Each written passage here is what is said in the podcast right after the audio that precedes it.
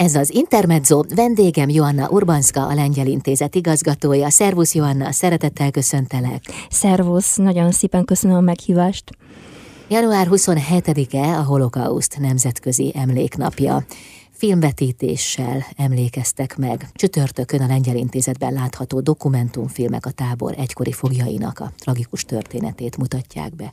Mit lehet tudni erről a dokumentumfilmről, Joanna? Nagyon megrázó filmekről van szó, viszont csodálatosak a történetek. Tudni kell, hogy 2021-ben egy nagyon különleges dokumentumfilmet mutattunk be a Lengyel Intézetben, méghozzá többször, amely egy rendkívüli hősről szólt, Stanislava Leszcsenyiszkáról, egy, egy szülésznő, aki az Auschwitz-Birkenaui koncentrációs táborban több mint három ezer gyereket mentett. Hát világra segített, és utána uh, igyekezett rajtuk segíteni, hogy életben is maradjanak. És kiderült, hogy a fia egy másik koncentrációs táborba került, méghozzá a Mauthausen guzanyi koncentrációs tábor együttesbe, mert ez több koncentrációs táborból állt, és ő ennek a csodálatos nőnek fiaként is túlélte a tábort. Ő utána azt mondta, hogy azért is a Jaisten úgy ilyen, ilyen kegyelemben részesítette őt, hogy a gyerekei is túlélték, mert ő nem hagyta más nők gyerekeinek meghalni. Úgyhogy ez, ez, ez egy ilyen nagyon felemelő történet is egyben, egy másik csodálatos ember is szerepel a filmben, Stanislav Zalewski, aki szintén a túlélő, és ő már hosszú évtizedek óta azért harcol, hogy méltó módon lehessen megemlékezni az áldozatokról, mivel tudni kell, hogy az egykori tábor területen most lakópark van, szemétlerakóhely, hát tulajdonképpen olyan állapotban van ez a helyszín, amely elengedhetetlen, és mi ezzel az eseménnyel, a, az Osztrák Kulturális Fórummal együtt arra próbáljuk felhívni az emberek figyelmét, hogy mindent kell elkövetni, hogy ez a tragikus történet nem erjön feledésbe. Ezért is az esemény címe a feledés ellen. Uh-huh. És ez egy ilyen megemlékezés egyben, memento és figyelmeztetés. Ezért is egy kiváló kiállítás is társul a filmvetítéshez. Marian Kawodzsé, kiváló lengyel diszlettervező grafikus, aki az Auschwitz, az Auschwitz koncentrációs táborban volt, mint az első lengyel politikai fogoly, még 1940-ben került oda, és hosszú ideig nem beszélt a traumákról, csak amikor agyvérzés kapott, akkor ilyen rehabilitáció keretében kezdett rajzolni hozzá. Kötözték a tallat a csuklójához, és ő fekve egy óriási csomagoló papíron kezdett rajzolni, és így keletkezett egy nagyon megrázó, megrendítő kiállítás anyag, mondhatnám bátran, hogy ha valaki szereti Bas festészetet, akkor ha megnézi ezeket a munkákat, akkor megtapasztalja, hogy Marian Kowodzsé, mert úgy hívták azt a művészt, ő is megtapasztalta, hogy néz ki a pokol. Úgyhogy nagy-nagy szeretettel várunk mindenkit a lengyel intézetbe, mivel nagyon fontosnak tartom, hogy kevésbé vidám dolgokról is beszélgessünk, tanulás véget leginkább. Kiállítás meddig nézhető meg? A kiállítás még jó ideig lesz megtekinthető. Azon vagyok, hogy megkapjam az engedélyt, hogy legalább egy dokumentumfilm és YouTube-on legyen megnézhető magyar nyelven. remélem, hogy ez sikerülni is fog. A kettő közül az egyikre gondolsz, ugye? Hiszen a kettő, kettő között igen, mert nem biztos, hogy ezt említettem, igen, két filmről van szó. Az egyik a Madhausen két élet címmel két párhuzamos élet, élettörténetről szól, két sorsról, amely fűződött ehhez a borzasztó helyszínhez, amely tulajdonképpen a földi pokolként vonult be történelembe, és az egyik szereplő a már említett Stanisław Leszczyński, a szülőisznő, a híres szülőisznőnek a, a fia, a másik pedig egy osztrák férfi, aki ott született ezen a környéken, és akaratlanul részese lett a tragikus eseményeknek, mert élt, dolgozott, a tettesekkel, és látta az áldozatok szenvedését és halálát. Úgyhogy ez is nagyon érdekes szempont, hogy hogy lehet ábrázolni ezeket az eseményeket. Na és a, a, a film, amiben Zalewski úr szerepel, az 545 nap című dokumentumfilm, az a rövidebb ö, alkotás, és remélem, hogy, hogy legalább ezt majd tudjuk ö, hosszabb időn belül bemutatni az érdeklődőknek, és hát ha sikerül a Youtube-ban, és megtekinthetővé tenni. Köszönöm szépen. Jövünk vissza, folytatjuk a beszélgetést. Vendégem Joanna Urbanska, a Lengyel Intézet igazgatója. Ez az Intermezzo vendégem Joanna Urbanska, a Lengyel Intézet igazgatója. Joanna, a Lengyel Intézet kifejezetten sok történelmi jellegű eseménnyel készül. Melyek ezek? Mire lehet számítani a közeljövőben? Arra törekszünk, hogy mindig rendhagyó módon és nagyon attraktív formában népszerűsítjük a lengyel történelmet, és idén is rengeteg ilyenfajta projektünk lesz. Annál is inkább, mivel rengeteg fontos eseményre kell megemlékezni. Most januárban a januári felkelésre tudni kell, hogy a 19. században, amikor a magyar barátaink és harcoltak szabadságért, Lengyelországban több nemzeti felkelés tört ki, és az egyik legfontosabb, legnagyobb szobású az úgynevezett januári felkelés, amely 1863-ban tört ki, január 22-én, vagyis ennek a szabadságharcnak most 160. évfordulóját fogjuk megünnepelni. Méghozzá egy nagyon érdekes hmm, találkozással mondjuk így, mert nem nevezném ezt se előadásnak, se prezentációnak. Eljön hozzánk egy nagyon híres történész, aki el fogja mesélni, gazdagon illusztrálva mindenféle képes anyaggal, hogy miért is azt mondják, hogy lengyelek született konspirátorok, vagy összeesküvők. Mert valóban a mi történelmünk, hát az előző téma is arra mutatott, tele volt traumatikus eseményel, tragikus fordulattal, és megtanultunk, megtanultuk, hogyan kell ellenállni a túlerőnek, a megszállóknak, azoknak, akik felosztották az országunkat, és pont a januári felkelés a legjobb példa erre, mert akkor született az a koncepció, hogy lehet párhuzamosan egy föld alatti államot alapítani, amely rendelkezik mindenféle intézménnyel és, és infrastruktúrával, minden, ami, ami, ami szükséges egy, egy állam működéséhez, bírósággal, rendőrséggel, katonassággal, természetesen kulturális intézményekkel. És Lengyelország, amely politikailag nem létezett a 19. században, pont akkor ilyen formában próbálta folytatni a létezését, működését, és ez nagyon hasznos tapasztalat volt, amelyet kamatoztattunk a többi időben.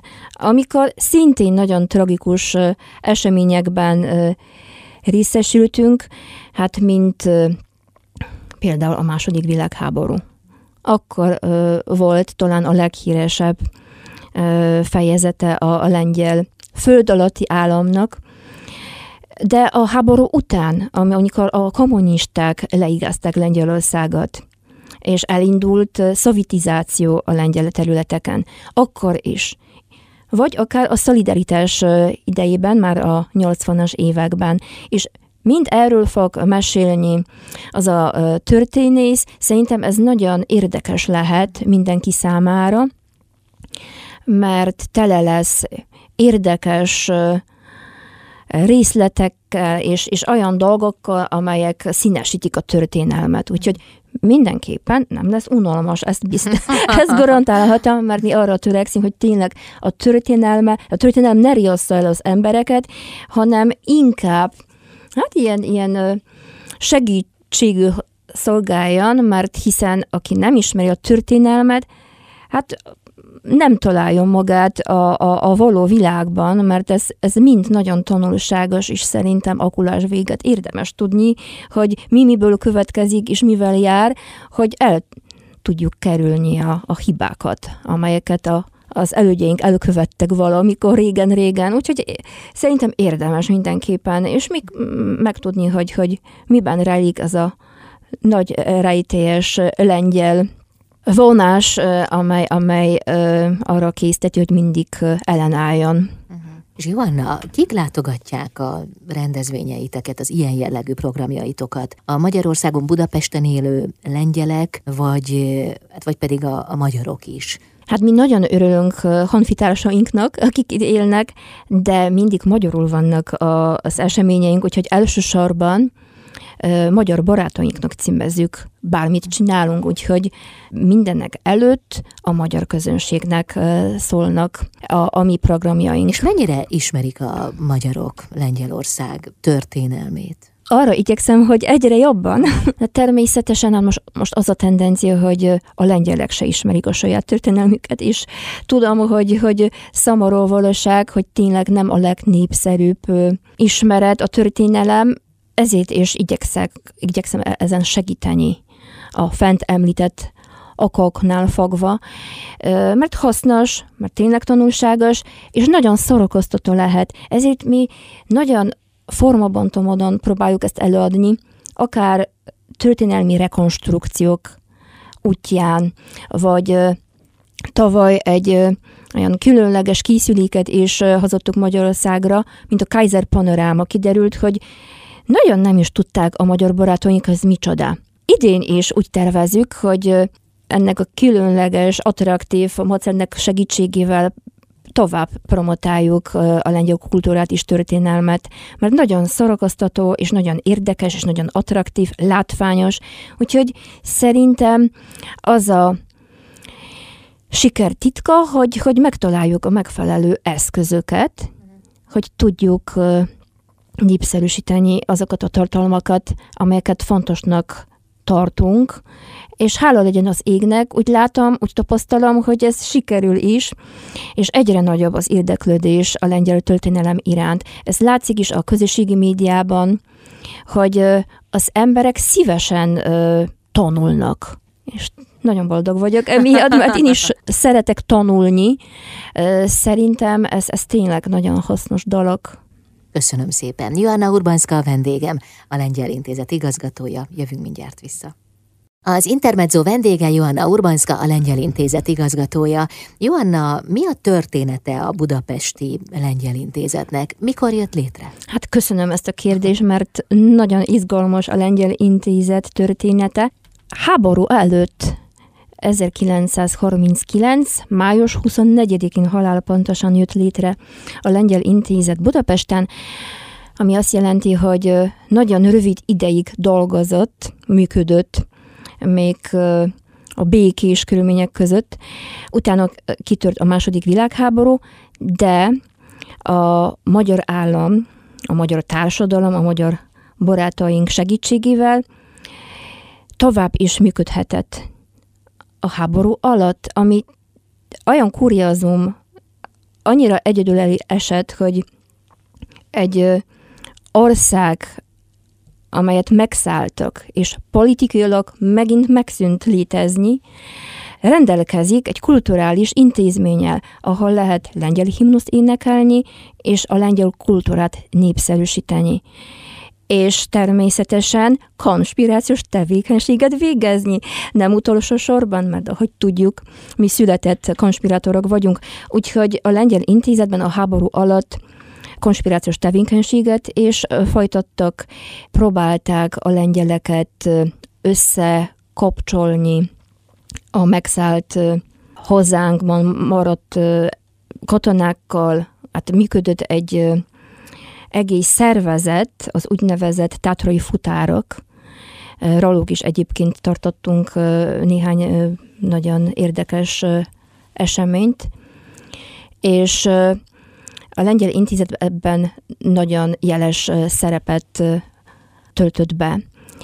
De emellett, ami furcsának tűnik, akkoriban nem is lengyelül tanította a magyarokat, hanem magyarul a lengyeleket. A, a lengyel menekülteket, akik idejöttek, amikor Magyarország megnyitotta a határt, 1939 szeptember 18-án, miután a szovjetek is megtámadták Lengyelországot, és ilyen módon segített a lengyeleknek, hogy tudjanak tovább élni, mert itt szeretettel teli és biztonságos, biztonságos otthonról leltek.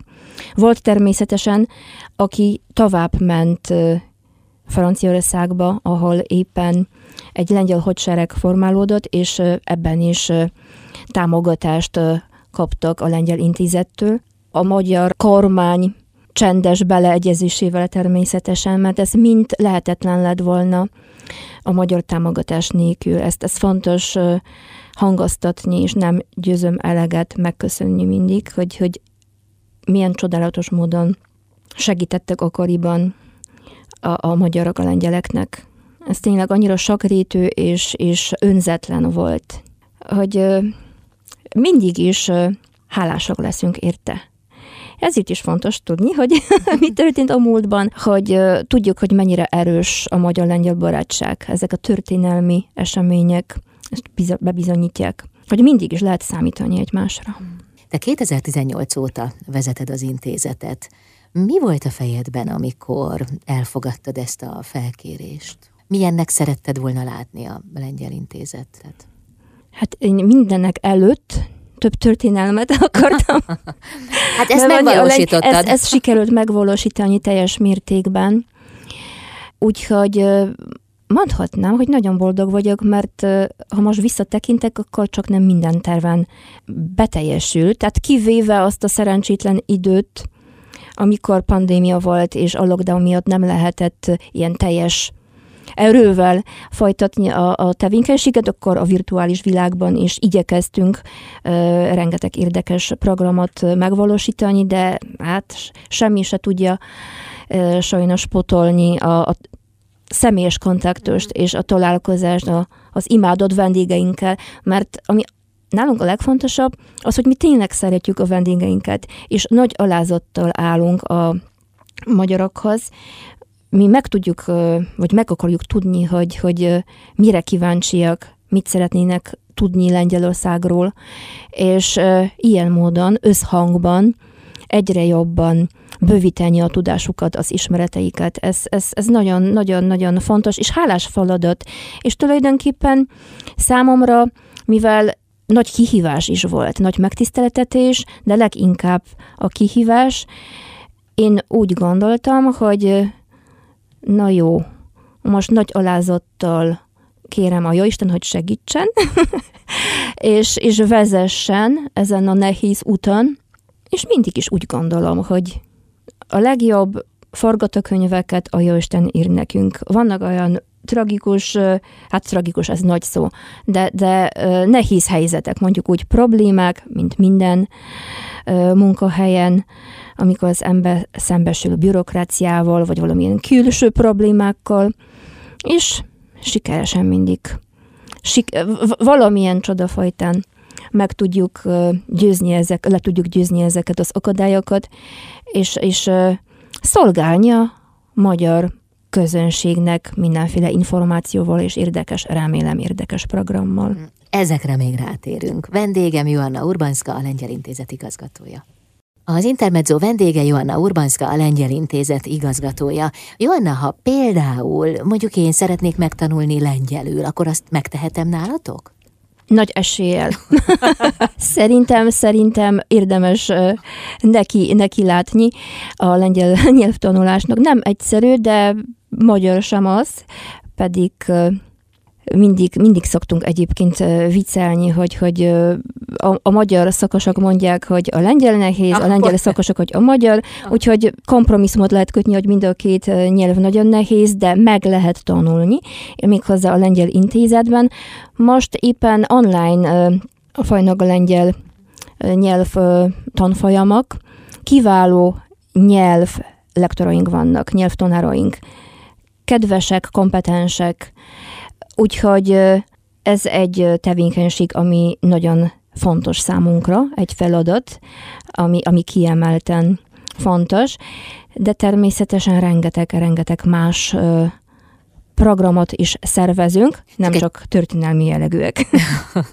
Pillanatra visszatérve még a nyelvtanfolyamra, hogy kezdőszintől indulnak ezek a tanfolyamok, vagy pedig lehet Jaj, természetesen, akár... természetesen.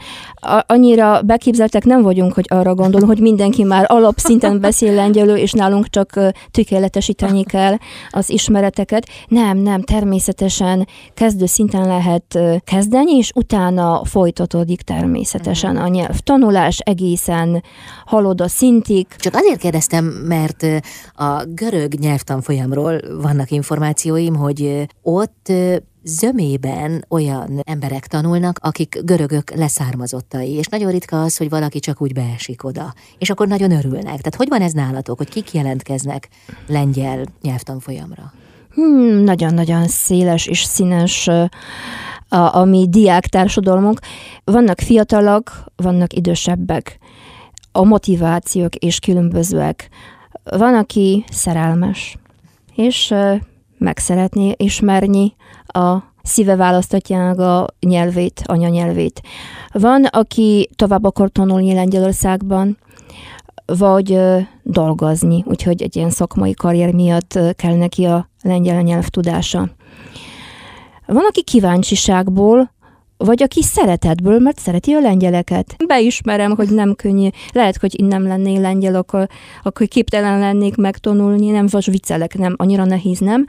Nem nehezebb, mint a magyar. Hát te csak tudod? Hát igen. Joanna, milyen nem történelmi témájú programjaitok vannak? Térünk rá. Rengeteg, rengeteg, mert lehet olyan benyomást keltettem, hogy csak történelemmel foglalkozunk a lengyel intézetben, ami nem igaz, mert rengeteg filmvetítés van, hiszen van egy filmfesztiválunk a lengyel filmtavasz minden évben.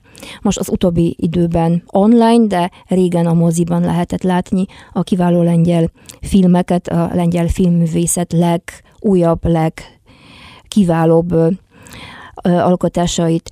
Vannak koncertek, Jelen vagyunk, csak nem minden fesztiválon egyébként, a Szigeten, és, és más, más, más, más, hát a ritmo, hát nehéz lenne felsorolni.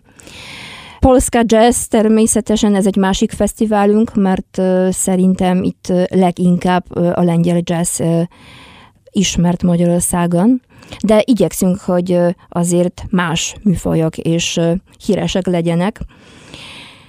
Kiállítások, hmm, a lengyel művészet, főként a plakát művészet közkedvelt. Nagyon szeretik a vendégeink, amikor meglepjük őket újabb és újabb grafikai remek művekkel.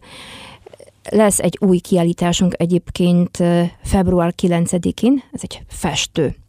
Egy festőművész jön hozzánk, nagyon érdekes alkotásokkal, de design, divat, bármi, ami érdekes, bármi, ami színes és, és attraktív, az is megtekinthető nálunk. És vannak ilyen interdisziplináris programok is, amelyeket különösen szeretek. Minden tulajdonképpen, ami, ami rendkívüli, néha rendhagyja, és, és, és érdekes, mi még nagyon kíváncsiak vagyunk, és, és tényleg szeretetből alkotjuk ezeket a programokat, ezért is szívesen tanulunk, szívesen hallgatjuk az embereket, szívesen találkozunk olyan érdekes egyéniségekkel, és így teljes erőben mindig ilyen, ilyen, ilyen remek együttműködésből jön valami nagyon-nagyon különleges műsor, különleges program. Úgyhogy érdemes követni a Facebook oldalunkat, vagy a honlapunkat, mert ott napra kész információk vannak, és mindig lehet valami érdekeset találni. El lehet tehát látogatni a Budapesti Lengyel Intézetbe, ahogy hallottalak téged tártkarokkal Természetesen, hát nálunk mindig az ajtó nyitva áll, Hát mondjuk most kicsit hideg, akkor, akkor képletesen lehet ezt értelmezni, de ha süt a napocska és meleg, akkor fizikailag is nyitva van az ajtó, és lehet számítani akár bacik karamellára, vagy más lengyel édességre. Nálunk csak is szeretettel fogadjuk a vendégeket. Nagyon szépen köszönöm, hogy itt voltál, további sok sikert kívánok. Nagyon szépen köszönöm, és tényleg nagy szeretettel várjuk az érdeklődőket a Lengyel Intézetbe. Joanna Urbánszka volt a vendégem, a Budapesti Lengyel Intézet igazgatója itt az Intermedzóban.